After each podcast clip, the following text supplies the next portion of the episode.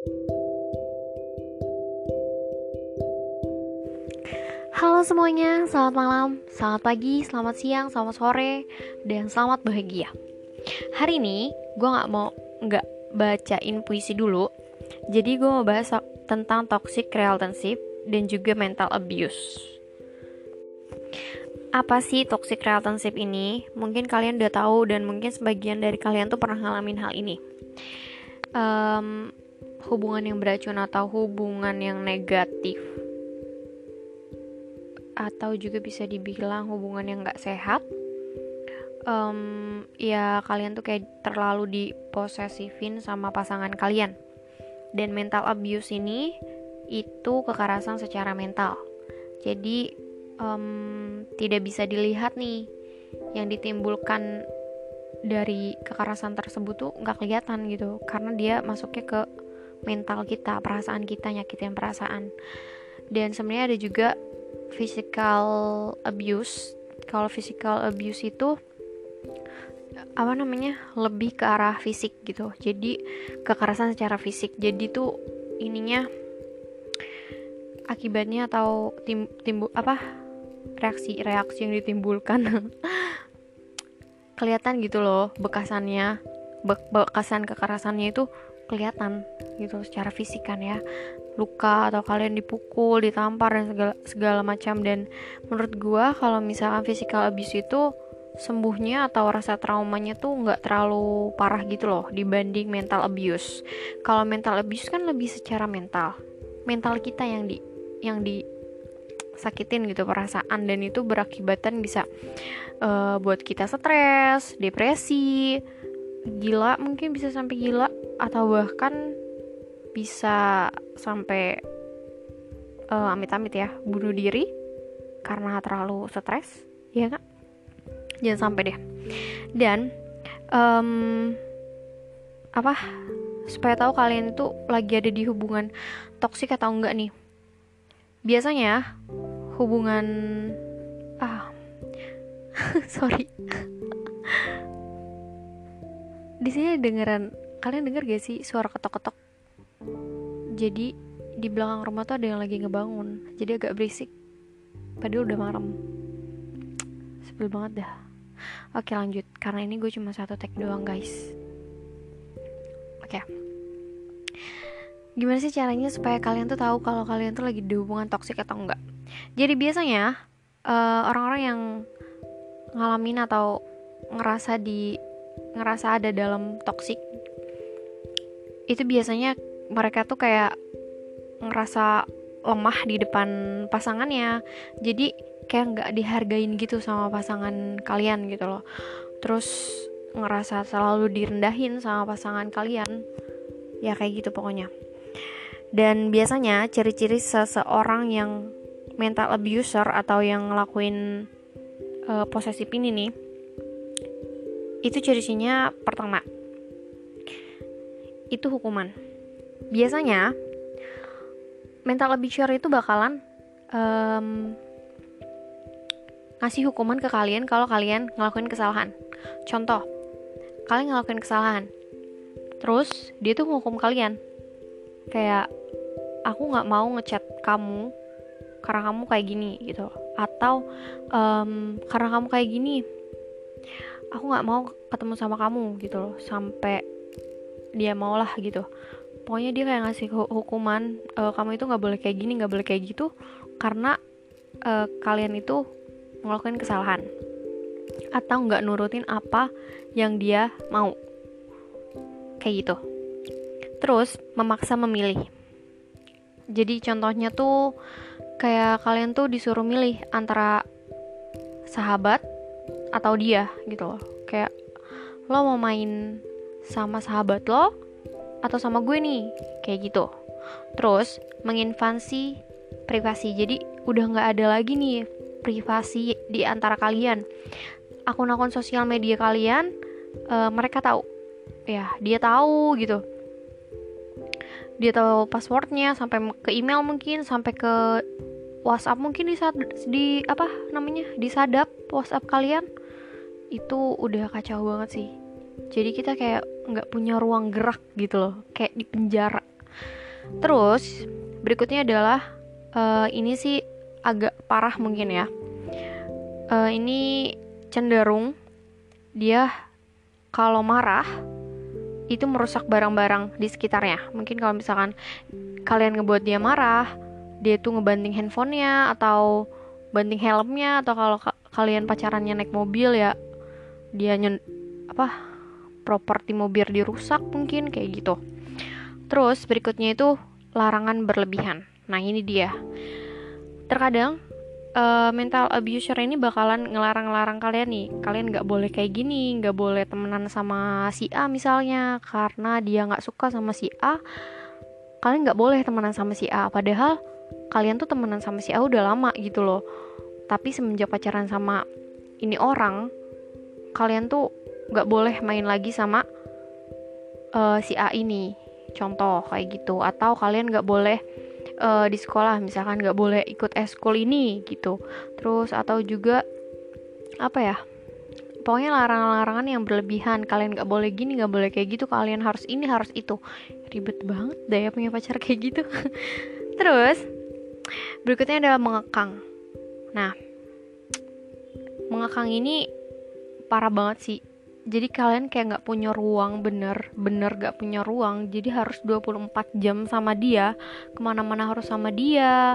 Uh, apa-apa uh, kalian itu harus bilang gitu sama dia. Bahkan mungkin dia bisa jadi cemburu sama tukang ojek ya. Karena tukang ojeknya cowok. Bisa jadi ada aja yang kayak gitu guys jadi pokoknya 24 jam harus sama dia ke mana pun sama dia. Tukang ojek mungkin dia. Kayak lagunya tulus yang ini ya. Beri juga aku ruang bebas dan sendiri. Nanti kayak gitu kalian nyanyi.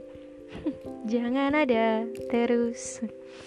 Aku butuh tahu seberapa Aku butuh kamu. Udah capek.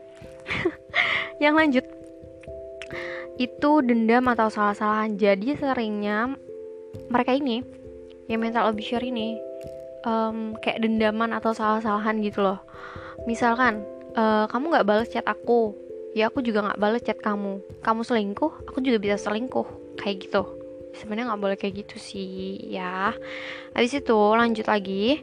Yang berikutnya adalah membuat kalian merasa rendah. Jadi kalian tuh kayak dimaki-maki direndah-rendahin kalian tuh kayak gini. Uh, misalkan kayak lo itu nggak ada apa-apanya tanpa gue kayak gitu. Atau um, tanpa adanya gue lo tuh nggak bisa kayak gini kayak gitu. Kayak gitu gitulah lo tuh bakalan ah gak bisa hidup tanpa gue gitu loh. Padahal nggak juga ya guys. Kayak gitu. Uh, ciri-ciri seorang yang seorang mental abuser atau kalau kalian ngerasa sekarang kalian lagi di dalam hubungan yang kayak gitu atau salah satunya ciri-ciri ciri-ciri yang tadi gue sebutin ini hmm, kalian lagi ngalaminnya gitu salah satunya atau beberapa mungkin kemungkinan ya kalian lagi ada di hubungan yang toksik gitu loh. Hubungan yang gak sehat dan seharusnya diudahin aja sebelum semuanya uh, semakin parah gitu loh. Karena gue pribadi kenapa gue bahas ini karena gue pernah ngalamin hal ini gitu loh dan bodohnya gue um, gue gak sadar sebenarnya semua semua yang pernah ngalamin ini nggak akan pernah sadar kalau mereka lagi ada di hubungan toksik. Tapi ketika mereka udah putus, mereka baru sadar kalau mereka itu iya kemarin tuh di hubungan toksik gitu. Dan terkadang juga yang masuk ke hubungan toksik ini susah banget buat lepas. Karena gue ngalamin ini tuh uh, lama banget gitu loh. Jeda waktunya tuh lama nggak nggak beberapa bulan. Mungkin kalian bagus sih kalau misalnya kalian tuh sadar di bulan-bulan doang gitu loh. Masih kayak baru lima bulan atau baru tiga bulan gitu udah sadar. Sedangkan gue tuh ngalamin ini panjang gitu loh. Dan itu ngoras mental gue banget di tahun terakhir sebelum putus. Jadi gue pernah ngalamin ini dua kali pertama itu gue pertama kali pacaran pacar gue posesif waktu SMP gue baru nyadar kalau hubungannya toksik adalah sekarang gitu. Jadi dulu ini dia itu sering banget ngelarang-larang gue dan selalu ke mana-mana pun sama dia gitu loh. Dia itu yang gue inget ya karena udah lama banget. Waktu itu gue sempat uh, jadi kita beda sekolah ketika gue eh ketika gue sama dia itu masuk SMA uh, dia di SMK gue di SMA dan di SMA gue itu ikut pramuka. Eh gue sebutin gak apa-apa. Gue ikut ekskul pramuka. Uh, dan emang dari SMP tuh gue ikut ekskul pramuka. I love pramuka. Kalau kalian anak pramuka love you banget deh. Gue nggak bisa karena gue udah cobain buat masuk ekskul lain tuh gue nggak cocok gitu loh nggak bisa. Akhirnya gue masuk ekskul pramuka. Dan sedangkan nih mantan gue ini dulu dia tuh nggak suka. Kenapa dia nggak suka gue ikut pramuka karena kata dia lo nanti panas-panasan terus nanti lo jadi hitam keling dan lain sebagainya. Gila nggak? Sebentar lagi bakalan ada suara tukang bakso kalau kedengeran maaf. Dia ngelarang kayak gitu. Dan yang kedua yang gue ingat dulu gue itu bilang sama dia kalau gue mau main ke rumah salah satu teman gue. Dia marah marah bener-bener marah karena apa? Itu kan di tukang bakso kan kedengeran nggak? Maaf nih kalau kedengeran. Kita stop dulu aja kali. Oke okay guys jadi setiap jam 22 itu tukang bakso itu selalu lewat. Jadi agak berisik maaf ya tadi gue stop dulu. Jadi um, padahal ini nyambung kalau kalian denger. Ya udah lanjut. Jadi dia tuh marah karena gue pergi main ke rumah temen gue dan dia bilangnya katanya giliran main sama dia itu nggak bisa. Kalau sama teman-teman bisa. Padahal kita ketemu setiap hari. Aneh gak tuh? Aneh banget kan? Dan dia tuh suka uh, nyuruh-nyuruh gue gitu dan gue kadang suka nggak nggak nurut dia kayak marah pokoknya marah mulu lah gitu. Gue pacaran sama dia tuh selama satu tahun dan dia gue tuh orangnya nggak pernah mau nggak mau nggak mau mutusin. Jadi gue nunggu dan gue nyari kesalahan gue sendiri akhirnya dia putusin gue kayak gitu. Itu tips dari gue lanjut udah lama-lama ternyata gue dapet lagi nih. Itu lulus SMA lulus SMA gue pacaran. Lulus SMA atau apa ya pokoknya setelah SMA atau masih SMA gue lupa. Pura-pura move on gitu ya. Jadi gue pacaran sama dia ini lama banget nih. Tahun pertama tuh baik banget sumpah dia tuh adalah cowok terbaik yang pernah gue temuin. Oke okay, dia tuh baik super duper baik. Segalanya apa pun yang gue mau dia selalu kasih apa pun mimpi gue kayak misalkan gue tuh pengen ke Dufan dia tuh kayak mewujudkan ya. Gue pengen uh, ke kebun teh dia tuh mewujudkannya dia selalu mewujudkan apa pun yang gue mau gitu loh. Dia tuh super duper baik. Di sisi um, buruknya dia tuh dia adalah lelaki yang bertanggung jawab dan baik dan apa ya pekerja keras lah menurut gue tapi di tahun kedua kita banyak banget konflik. Yang namanya hubungan gitu kan ya. Pasti banyak banget konflik. Nggak habis-habis tuh konflik ya kan? Dan di tahun ketiga itu gue lulus kuliah. Otomatis gue nganggur dong. Gue cari kerjaan gitu loh. Dan di masa cari kerjaan itu bener-bener sulit banget. Parah sih sulit banget. Kalian tau lah kalau kalian udah pernah nyari kerja pasti sulit banget kan. Dan selama itu dia tuh selalu mikir kalau gue tuh nggak ada usahanya buat cari kerja. Sakit hati dong. Gue tuh udah usaha ke sana ke sini dan kemari gitu loh. Ya tapi belum rezekinya mau gimana? Ya nggak? Tapi dia tuh selalu, selalu kayak bukannya nge-support gue buat gue semangat tapi dia malah bikin gue down gitu loh. Dan dia ngehukum gue dengan cara nggak mau ketemu sama gue dan nggak mau ngechat gue nggak mau ngehubungin gue sampai gue dapat kerja. Parah banget kan? Itu kayak sakit hati banget. Sakit. Bener-bener kayak kenapa dia kayak gini gitu loh? Di saat di saat gue butuh dia gitu butuh seseorang yang buat meluk gue istilahnya dia ini nggak ada dia ini malahan ngilang dan dia kayak um, menurut dia mungkin itu baik menurut dia mungkin itu bakal memotivasi gue tapi enggak ngefek di gue gitu loh. Ngefeknya malah ke drop dan down. Dan saat itu gue itu ngerasa bener-bener parah banget hubungan gue hampir setiap hari itu nangis terus karena kayak ngerasa nggak berguna. Bahkan gue sampai punya pemikiran untuk bunuh diri. Lo bayangin. Gue sampai punya pemikiran untuk bunuh diri pada saat itu. Cuman gue punya teman-teman yang support gue punya teman-teman yang baik banget sama gue yang ya menyadari gue gitu loh. Bulan berlanjut gue akhirnya dapat kerjaan. Gue pikir setelah gue dapat kerja itu um, dia bakal baik dan hubungan kita bakal baik-baik aja. Tapi lo tahu apa yang terjadi? Setiap bulan kita berantem. Setiap bulan. Dan itu setiap habis gajian. Lo tau apa yang dipermasalahin? Adalah uang. Dia siapa? Dia cuma pacar gue, tapi dia tuh kayak banyak terlalu ngatur soal keuangan gue. Oke, okay, mungkin baik.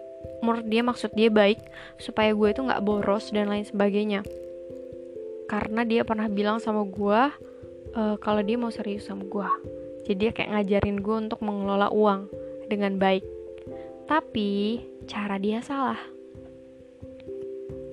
Dia tuh kayak uh, kalau misalkan kita nggak berantem satu hari itu kayaknya nggak asik gitu menurut dia. Jadi setiap bulan itu selalu aja selalu aja selalu berantem. Dan gue tuh kayak setiap hari tuh kayak nangis kayak kepikiran maunya dia tuh apa gitu loh.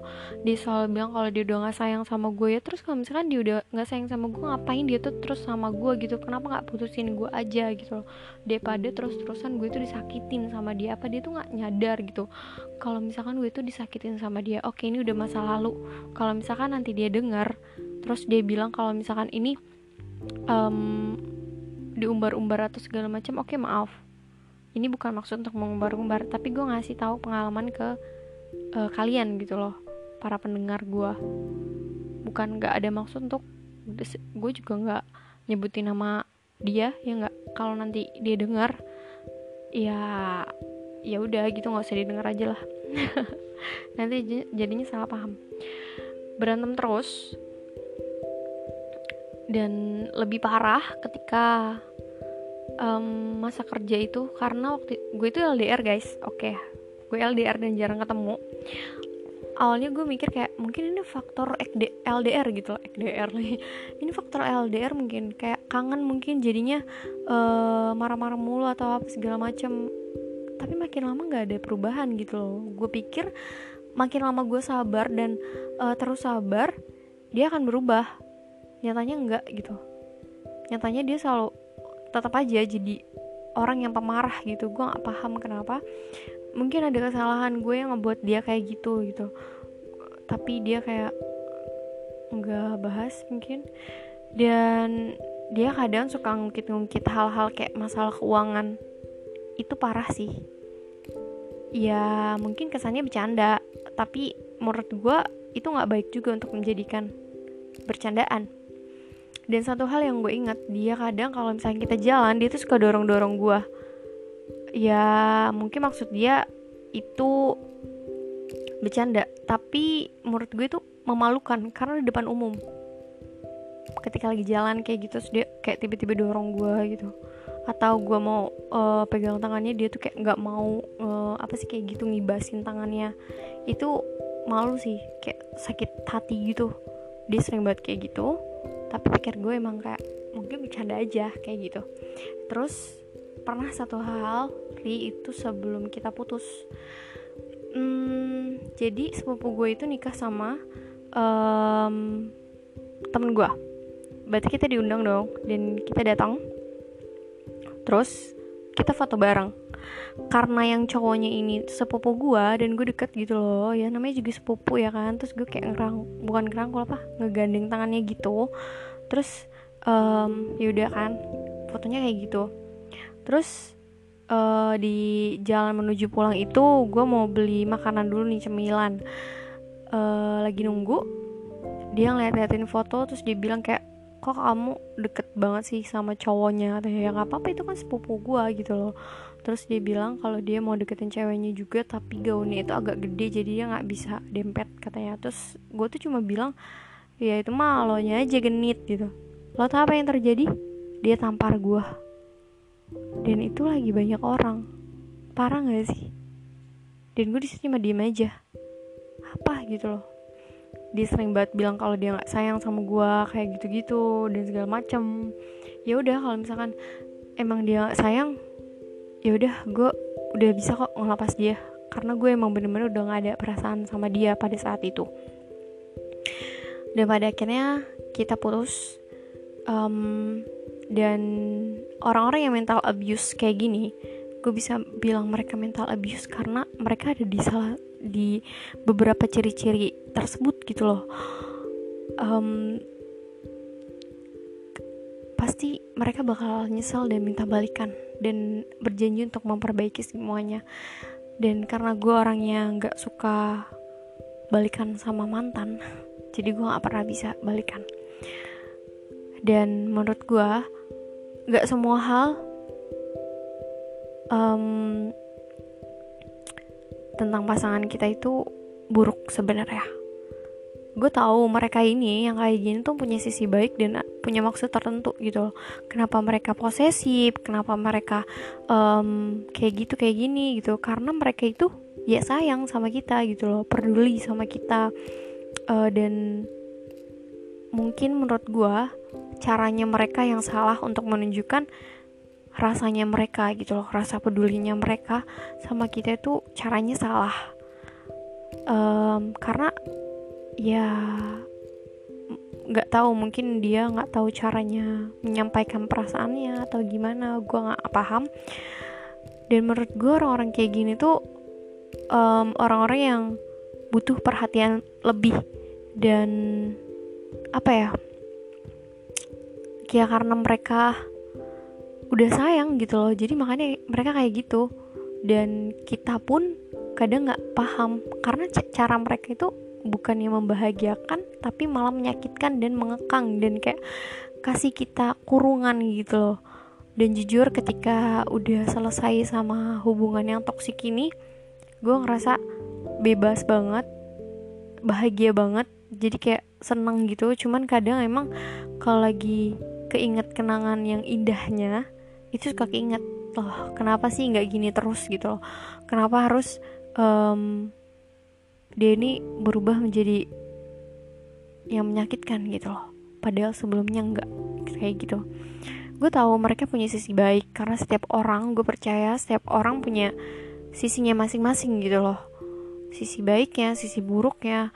Dan sampai saat ini gue dengan mantan gue yang kemarin pun itu berhubungan baik. Karena gue nggak mau ada masalah apa pun kita selesainnya pun kita ngejalin pertama kali itu dengan baik dan disudahi pun harus dengan baik-baik. Gak usah ada benci. Kita harus tetap silaturahmi kita harus tetap baik lah istilahnya. Kayak gitu kita temenan aja. Kita boleh lah kayak teman curhat tapi jangan pernah balik lagi ke masa lalu. Karena itu hanya akan mengulang kesalahan yang lama menurut gue itu sih. Jadi buat kalian yang rasa hubungan kalian lagi ada di ciri-ciri kayak toxic gitu lebih baik menurut gue kalian sudahi. Kalau udah parah banget kalian sudahi aja. Cuman um, karena yang gue tangkap ya banyak banget cerita-cerita toxic relationship ini yang lebih parah dari cerita gue gitu loh. Sampai dipukulin dijenggut lah sama cowoknya. Uh, dicaci maki kalau dicaci maki gue gue ngalamin hal itu. Kayak kalau marah-marah omongannya kasar gue ngalamin itu. Dan itu sakit banget mental sih sebenarnya kalau dikata-katain kayak gitu sih. Gue ngalamin banget karena dia tuh maki-maki kayak gitu deh. Pokoknya gue tuh kayak pernah dibilang maaf ya bangsat lah sama dia gitu. Itu sakit. Dan sebenarnya lebih banyak yang lebih parah dari gue sih. Dan itu parah banget. Mereka hebat orang-orang yang dalam toxic itu mereka hebat sebenarnya. Bisa bertahan dan sabar ngadepin orang-orang yang kayak gitu. Ya nggak? Cuman ya jangan terlalu bodoh gitu. Kadang sabar sama bodoh cinta dan sayang itu beda tipis ya kak jadi kalian tuh harus pinter guys. Kalau kalian ngerasa udah nggak nyaman sama hubungan kalian mending kalian udahin aja. Kalau diterusin malah makin gak enak gitu loh. Kalau udah nggak nyaman ya udah udahin. Toh masih banyak yang lebih baik dari dia gitu loh. Emang susah. Emang kadang susah banget buat ngelepasin orang-orang yang kayak gini gitu loh yang posesif kayak gini susah banget ngelepasinnya. Tapi sebisa mungkin kita harus ikhlas. Resikonya apa pun ya kita harus bisa lepas dari dia. Karena itu penting banget buat ya kesehatan mental kalian. Menurut gue sih gitu. Jadi kalian harus bisa buka mata hati kalian kalian harus lihat di sekeliling kalian tuh masih banyak eh, orang-orang uh, yang lebih baik dari dia gitu loh. Yang lebih sayang sama kalian yang lebih peduli dan lebih tahu dan mengerti cara ngebahagiain kalian. Gak cuma dia guys.